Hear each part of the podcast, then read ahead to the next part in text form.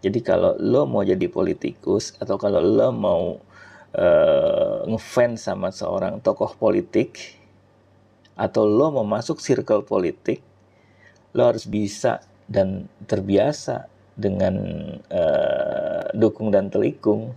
Mereka tuh seperti punya kesetiaan tersembunyi yang kita nggak bisa lihat ya. Orang awam kayak kita tuh nggak bisa lihat ya kekuatan apa yang sehingga ya pokoknya hebat lah mereka itu.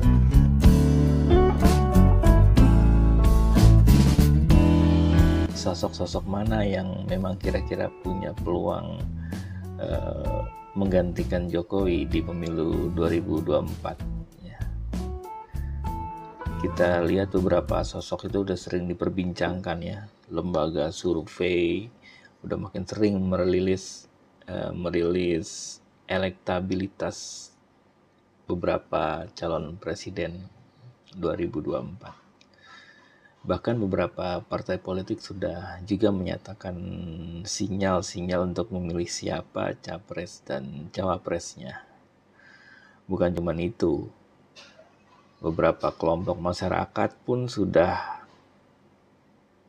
sejak dini melakukan deklarasi pasangan A dengan pasangan B ya itu untuk dimajukan sebagai uh, pasangan pilihan mereka.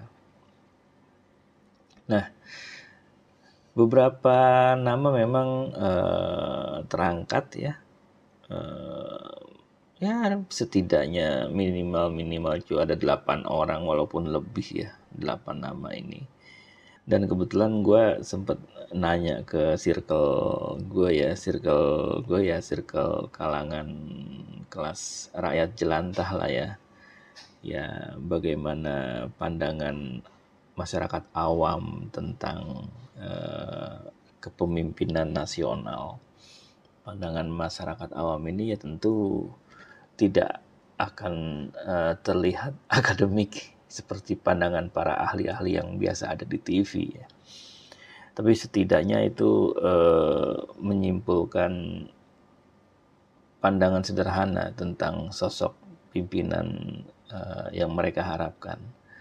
Ada beberapa nama yang sempat uh, kita sebutkan.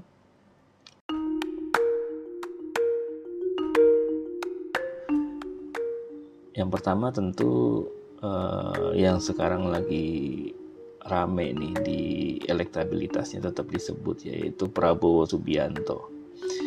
Gua pikir Prabowo itu udah kartu mati ya, tapi ternyata masih banyak juga orang yang ngarepin dia itu jadi presiden. Berapa alasan yang gue temuin sih eh, ketika gue tanya ya, gue pernah nanya sama supir taksi ya, ketika gue pulang dari The Dharma Wangsa meeting di sana lalu pulangnya naik taksi. Ngobrol ya seperti biasa kebiasaan gue ngobrol dengan siapa pun terutama supir. Karena supir tuh orang-orang yang punya pandangan yang unik-unik. Keren-keren. Uh, kalau dia sih milih dan berharap Prabowo karena tentara gitu. Karena kalau tentara itu akan kelihatan tegasnya akan uh, kelihatan gagahnya ya. Meskipun uh, Prabowo beberapa kali gagal dalam pencalonan presiden tetapi dia tetap gigih ya, nggak berhenti sampai terakhir di pemilu yang 2019 kemarin kalah pun mau jadi menteri uh, legowo ya. Ditawarkan jadi menteri kok mau? Ya itulah yang menurut uh, seperti taksi ini nilai plus Prabowo di mata dia. Ya jarang orang uh, yang tadinya bersaing tuh mau jadi bawahan orang yang disainginya.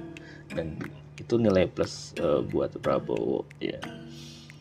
Uh, dia juga berharap sih kalau Prabowo presiden sembako murah listrik air gas bensin murah gitu sih ya uh, kalau gue sih jujur nggak nggak terlalu percaya kalau sampai jaminan-jaminan harga murah itu. Tapi kalau masalah persona yang dia tangkap terhadap Prabowo itu kan pandangan masing-masing ya. Dan itu bebas harus kita hargai harus kita hormati pandangan orang dan ke uh, kesukaan orang terhadap idolanya.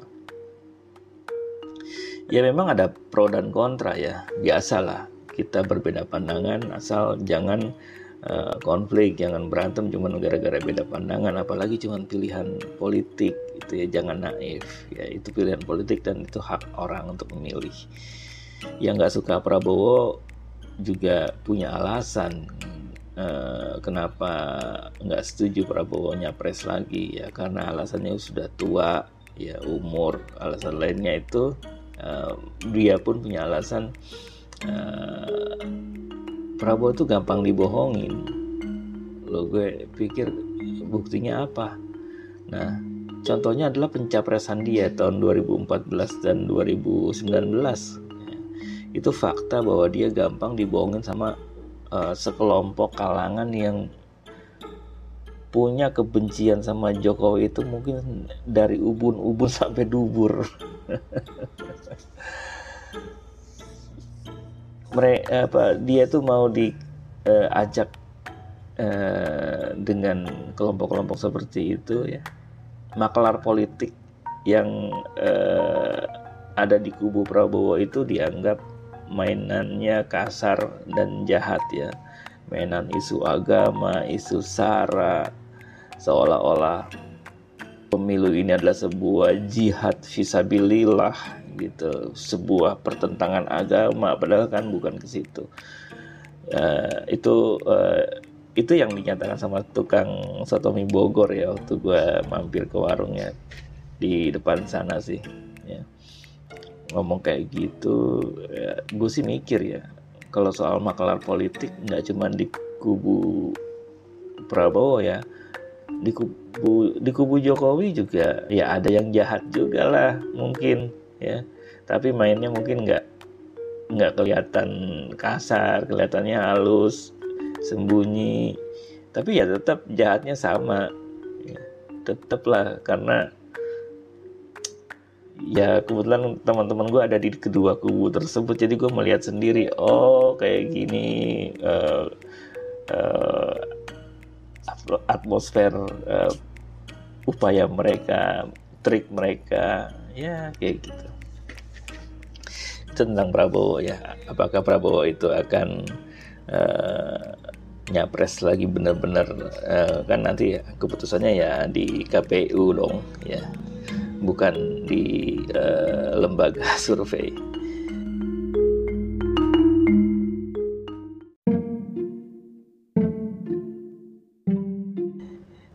Yang kedua Ganjar Pranowo. Nah kebanyakan pendukung Ganjar nih eh, suka banget sama Ganjar karena pesonanya selama ini ya dia aktif di media sosial juga aktif menjawab eh, pertanyaan netizen ya. Dan yang paling disukai adalah Ganjar sosok pemimpin yang berani mengkritik dan menindak bawahannya. Jadi ya yang dilihat itu salah satunya ya. Sebagai gubernur uh, beliau adalah orang yang tegas dalam mendisiplinkan bawahannya. Dan ini menjadi harapan ketika dia jadi presiden pun juga akan uh, tegas terhadap uh, bawahannya terutama pejabat-pejabat yang korup. Gitu sih. Ya kalau gue sih agak meragukan juga sih ya kalau soal uh, sikap seorang pemimpin ketika menjadi gubernur itu belum tentu sama ketika menjadi presiden. Ya, apa bedanya Ganjar dengan Jokowi? Jokowi juga ketika menjadi gubernur kita lihat sekali gimana tegas terhadap bawahan, tegas mengontrol kedisiplinan uh, birokrasi, ya tapi setelah jadi presiden kan kita bisa menilai sendiri lebih tegas mana dia ketika menjadi presiden atau ketika masih menjadi gubernur. Ya. Karena tantangan intrik di level kepresidenan itu tentu akan berbeda dengan di level gubernur ya. Jadi uh, mungkin harus berubah gaya atau bagaimana yang jelas akan berbeda kelihatannya. Apakah Ganjar bisa uh, tetap uh, terlihat konsisten ya tegas terhadap bawahannya ya. ya kalau kita lihat ya kasus Wadas aja kemarin dia masih bisa di bawa keliru kok sama circle-nya sendiri sehingga dia awalnya menemui warga Wadas tapi ternyata warga yang pro bukan warga yang dianggap uh, kontra dan menjadi bulan-bulanan aparat keamanan ya dan makelar proyek itu uh, sosok Ganjar.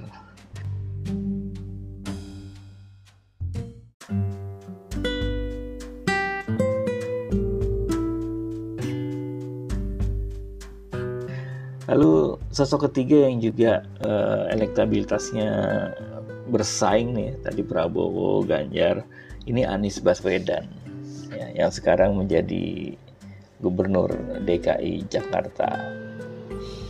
Banyak banget teman-teman gue juga yang pro sama Anies ya, uh, terutama mereka yang tergabung di dalam kelompok 212 ya. Mereka itu berharap banget Anies itu terpilih sebagai presiden ya. Di grup tersebut gue lihat sendiri diskusinya wah mereka uh, harapannya sangat besar terhadap Anies dan uh, tidak lagi kepada Prabowo karena Prabowo buat mereka itu adalah pengkhianat. Ya. Jadi dianggap pengkhianat ya karena Prabowo mau menjadi menterinya Jokowi. Jadi mereka nggak mau ditipu lagi sama Prabowo, ya gitulah kalau kita lihat sih kalau gue lihat di grup kayak gitu kan mereka nggak sadar yang namanya juga politik ya. Yang namanya politik itu kan nggak perlu sampai baper kayak gitu ya dalam menyikapi perubahan sikap politikus ya ini harusnya juga mereka sadar terhadap Anies Baswedan juga politikus yang bisa berubah sikap. Kita tahu sendiri kan dulu dia uh, pendukung Jokowi lalu akhirnya juga menjadi pendukung Prabowo. Itu kan perubahan sikap dan uh, nggak bisa dipegang sih kalau uh, cuma diandalkan uh, dukung mendukung saja ya. Karena sikap politik itu sudah biasa ya di dalam politik itu punya watak dukung dan telikung. Nah ini nih yang harus kita sadarin ya. Dalam berpolitik itu sudah biasa tuh yang namanya mendukung dan menelikung tuh udah biasa ya. Jadi kalau lo mau jadi politikus atau kalau lo mau uh, ngefans sama seorang tokoh politik atau lo mau masuk circle politik lo harus bisa dan terbiasa dengan uh, dukung dan telikung ya. Kalau lo jujur apalagi lo lugu ya. Kayak gue. Mending jauh atau menjauh dari circle politik ya. Karena nggak bakal kuat ya. di sana terlalu berat ya. Bahkan Dilan aja nggak bakal kuat main di circle politik ya bagaimana kan Anies Baswedan ya kita lihat juga nanti karena sekarang terlalu dini kalau kita e, memberikan penilaian sangat pantas atau tidak atau berhasil atau tidak.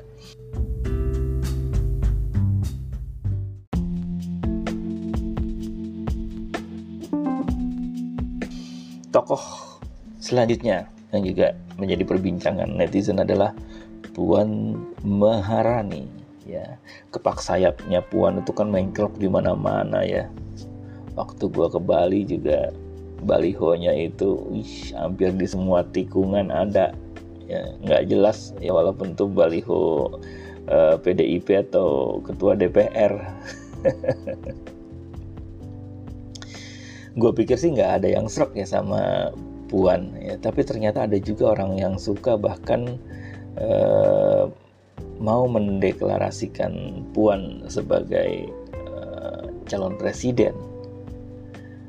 Uh, gue kebetulan pernah nanya dengan ketukang ngamen ya dan menurut dia dia suka sama Puan karena mewarisi karisma Megawati karena Puan itu adalah cucunya Soekarno karena Puan itu adalah dari partai Wong Cilik ya gue ngobrolnya dulu sebelum rame isu minyak goreng dan si Mama Megawati itu uh, merespon ibu-ibu yang antre ya. karena sejak itu kan uh, di sosial media jadi obrolan ya jadi omongan bahwa partai PDIP itu udah bukan lagi partai wong cilik ya tapi partai kaum borjuis yang kerap memanfaatkan wong cilik buat nyoblos doang. Ya, ya seperti di video Cak Nun kan juga ada. Mega nggak pernah ngalamin jadi rakyat. Kayak gitu ya tapi itu bukan ke sananya lah ya. Yang jelas ada juga sih yang nggak suka sama Puan Nyapres ya. Alasannya itu karena saat ini aja kan partai yang berkuasa tuh PDIP bahkan dia jadi ketua DPR tetapi kok banyak kebijakan-kebijakan pemerintah ini yang kontrol DPR-nya nggak terlalu kuat sehingga nasib rakyat yang nggak berubah beberapa harga kebutuhan pokok, listrik, dan sebagainya itu selalu ya di atas kemampuan rakyat jelantah. Nggak ada kebijakan yang menghidup, meringankan hidup rakyat. Bansos ada sih, cuma ya repot juga. Nggak semua wong cilik dapat bansos. Bahkan ada beberapa orang yang ya kita dengarlah uh, ketika uh, bansos itu dibagikan ada orang yang punya kontrakan 50 pintu dapat bansos juga punya mobil motornya NMAX tapi yang tukang ojek itu nggak dapet makanya protes di beberapa tempat kayak gitu. Nah ya sosok Puan itu uh, belum layak karena ada juga pandangan yang beralasan bahwa uh, darah kepemimpinan Bung Karno itu nggak kelihatan di anak cucunya yang bermain politik. Ya. Nama besar Soekarno ternyata nggak sampai uh, menitis ke anak cucunya, sehingga ketika menjadi pemimpin politik karismanya nggak ada, ya. terlalu dipaksakan kesannya ya ini menjadi PR juga sih buat uh, tim suksesnya Puan Maharani ya untuk bagaimana bisa uh, mendidik membimbing Puan agar bisa menjadi lebih harismatik di mata Wong Cilik.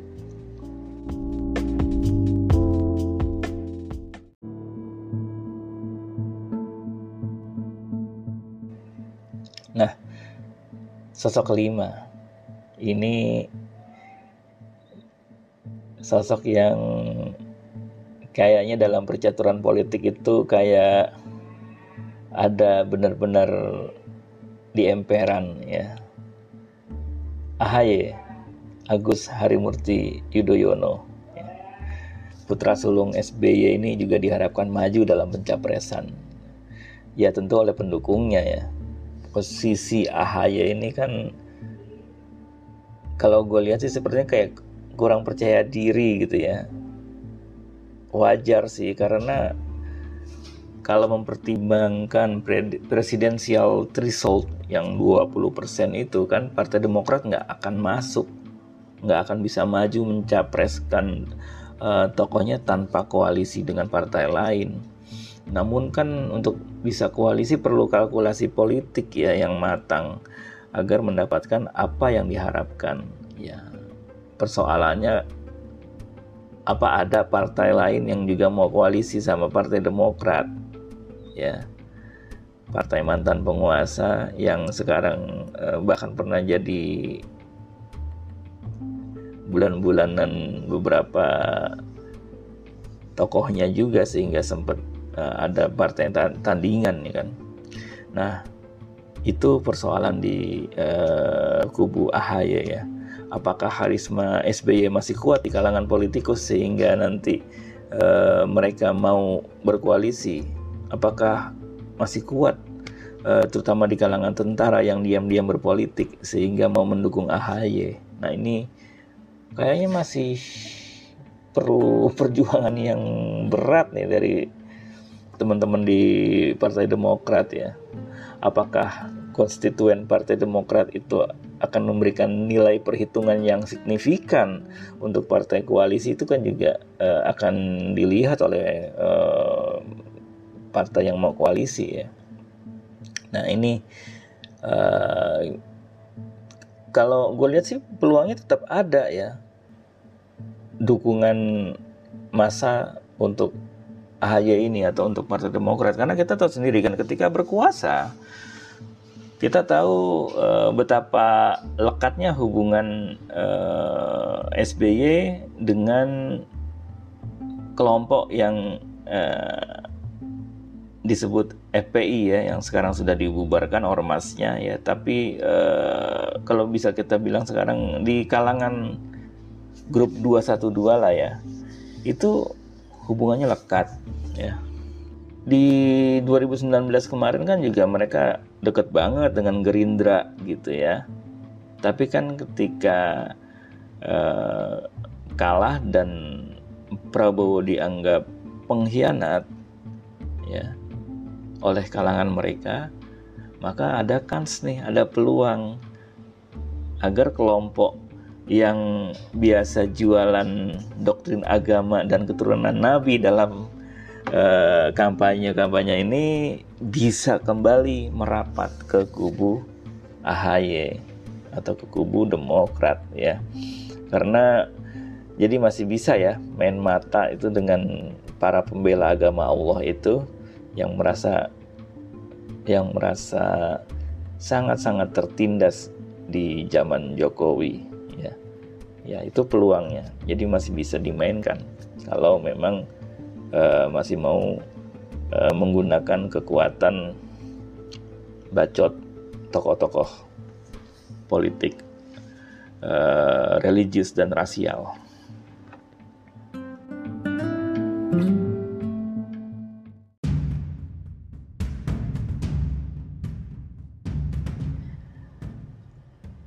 tokoh lainnya yang juga rame nih uh, balihonya. Itu Air Langga Hartarto ya. Menteri Koordinator bidang perekonomian ya, di Kabinet Indonesia yang maju nggak tahu ya majunya ke mana. Ini bahkan belak-belakan mau nyapres ketika ditanya sama Pak Jokowi. Bahkan sebelum ditanya kemarin juga jauh-jauh hari baliho dia dengan baliho Puan itu udah ibarat seperti Alfamaret sama Indomaret. Ada terus di mana-mana ya. Dan bisa jadi mungkin selain bersaing malah nantinya bisa bersanding ya. Kita tahu sendiri kan kekuatan Golkar itu negosiasinya tuh paling jago dan paling ya paling senior lah dalam permainan politik di Indonesia ya kita apa yang nggak mungkin tuh bisa mungkin kalau dilakukan oleh uh, orang-orang uh, Golkar ya. Jadi tinggal negosiasi aja lo jadi apa gue jadi apa antara uh, Air Langga dengan Puan ya itu bisa mungkin ya. Ya kita tahu kan kekuatan Golkar itu nggak ada habisnya. Ibarat pohon beringin angker yang nggak pernah hilang kemisteriusannya. Kekuatannya tetap berurat berakar di kalangan tokoh partai lain yang aslinya adalah kader-kader Golkar juga.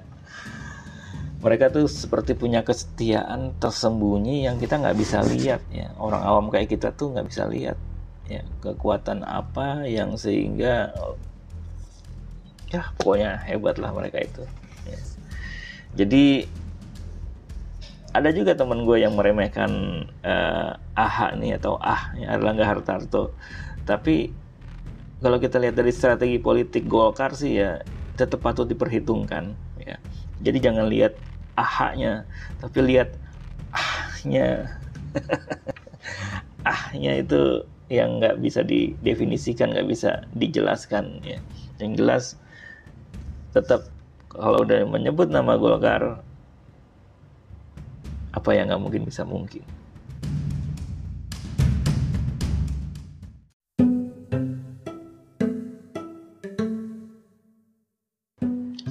Oke, lanjut siapa lagi ya? Erick Thohir. Ya.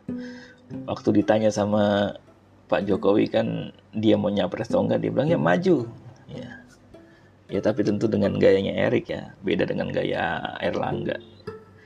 Nah, selama kepemimpinan Jokowi ini dia asik banget di Kementerian BUMN dan kayaknya makin fokus dan ya kayaknya dari situ dia melihat peluang yang besar yang bisa dia mainkan kalau tetap berkuasa ya. Itu uh, mungkin bisa menjadi keinginan dia untuk memperbaiki BUMN Indonesia yang selama bertahun-tahun sebelumnya banyak yang hancur ya. Ya hancur manajemennya ya. Uh, korup dan sebagainya. Nah Persoalannya cuma tinggal apakah ada partai politik yang mau transaksi sama bos Erik ini. Ya. ya kalau gue lihat sih partai-partai gurem tentu nggak bakal masuk dalam daftar belanja dia kecuali kalau memang partai-partai tersebut bisa memberikan impact yang nyata saat kampanye ya jadi ya tetap Pak Bos ini punya kekuatan juga ya yang sudah di tanamkan pada periode saat ini sehingga ya entah partai mana nanti yang akan mengusung dia.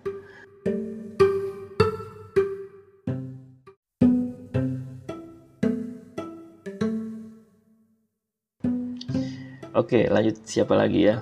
Erick Thohir. Ya.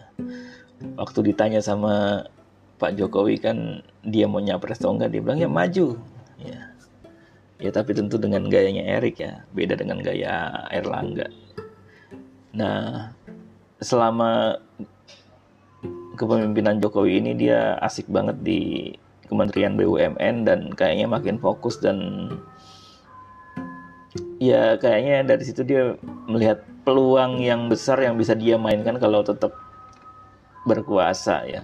Itu uh, mungkin bisa menjadi keinginan dia untuk memperbaiki BUMN Indonesia yang selama bertahun-tahun sebelumnya banyak yang hancur ya. Ya hancur manajemennya ya. Uh, korup dan sebagainya. Nah persoalannya cuma tinggal apakah ada partai politik yang mau transaksi sama bos Erik ini ya ya kalau gue lihat sih partai-partai gurem tentu nggak bakal masuk dalam daftar belanja dia kecuali kalau memang partai-partai tersebut bisa memberikan impact yang nyata saat kampanye ya jadi ya tetap Pak Bos ini punya kekuatan juga ya yang sudah ditanamkan pada periode saat ini sehingga ya entah partai mana nanti yang akan mengusung dia.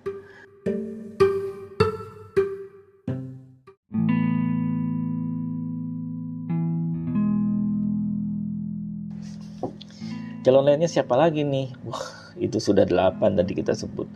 Masih ada lagi calon-calon yang juga sempat disebut ya. Ada Ridwan Kamil ada Cak Imin. Ada Ahok juga ya Basuki Cahaya Purnama ada Risma ada Khofifah bahkan Mahfud MD juga disebut juga. Bahkan Sri Mulyani dan yang akhirnya juga ngebatalin ya mungkin nyaloninnya masih malu-malu itu Giring Ganesa ya.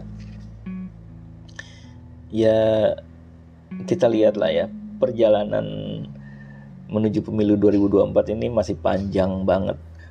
Apa yang kita lihat sekarang ini terutama survei elektabilitas uh, belum bisa kita jadikan patokan. Karena itu belum barang jadi. Kita tunggu barang jadinya itu setelah semuanya itu uh, daftar di Komisi Pemilihan Umum ya. Nah, yang perlu kita sadari sebagai rakyat tentunya adalah sadar ini cuman kontestasi politikus mereka yang sedang kontes mencari kekuasaan. Jadi tujuannya adalah kekuasaan, bukan kesejahteraan rakyat. Itu yang harus kita pegang dulu ini eh, apa frame-nya. Jadi jangan sampai terlalu banyak berharap juga sama tokoh-tokoh politik ya. Jadi meskipun lo sekarang mendukung, tapi nanti yang dukung lo itu tetap nggak akan peduli sama harga sembako, nggak akan peduli sama lo sulitnya bayar listrik, BBM, gas, pam, itu nggak akan peduli. Karena buat mereka adalah mereka punya kekuasaan dan kekuasaan itu bisa membuat kepentingan mereka, bisnis mereka itu semakin leha-leha, semakin leluasa, ya. Kita belajarlah di 2014 di 2019 lah yang dua dua periode yang terdekat itu ya. Uh, ini yang paling jorok lah ya itu sampai kita berantem sampai ada yang memutus pertemanan persaudaraan cuman gara-gara perbedaan pilihan politik ya jadi sudahlah sebanyak apa pun ayat-ayat Tuhan yang lo keluar-keluarkan yang lo ucapkan tetap saja politikus yang lo dukung maupun enggak lo dukung sama-sama akan mengabaikan ayat-ayat yang lo ucapkan itu saat berkuasa. Jadi sadar, udah begonya jangan lama-lama, ya. jangan tergiur dengan recehan cuman buat lo demo membenci sana sini, ya. terlalu mahal harganya. Ya. Kalau lo itu berantem hanya gara-gara recehan politik ya lu nggak akan dapat apa-apa ya. belajar deh dari dua tahun ini ya, dua periode inilah ya kita tuh kan cuman tikus belalang kucing kelinci anjing. Ya segala kelaknya kita anjing lah gitu. Tapi kalau mereka itu beda kastanya. Mereka itu serigala harimau singa bahkan hiena. Mereka tuh pemangsa kita bukan. Jadi di situ harus sadar ya. Silakan ikut pemilu silakan ikut memilih meramaikan ya. Silakan ikut kampanye tapi jangan ikut-ikutan apalagi sampai sikut-sikutan ya. Lo mau golput juga hak lo ya. Karena tidak memilih pun juga merupakan pilihan ya. Ngapain juga kita milih kalau dari awal kita nggak percaya sama tokoh-tokoh tersebut ya. Tapi buat yang mau milih juga silakan. Yang penting jangan mau dibohongi jangan sampai kita ribut lagi. Jangan sampai goblok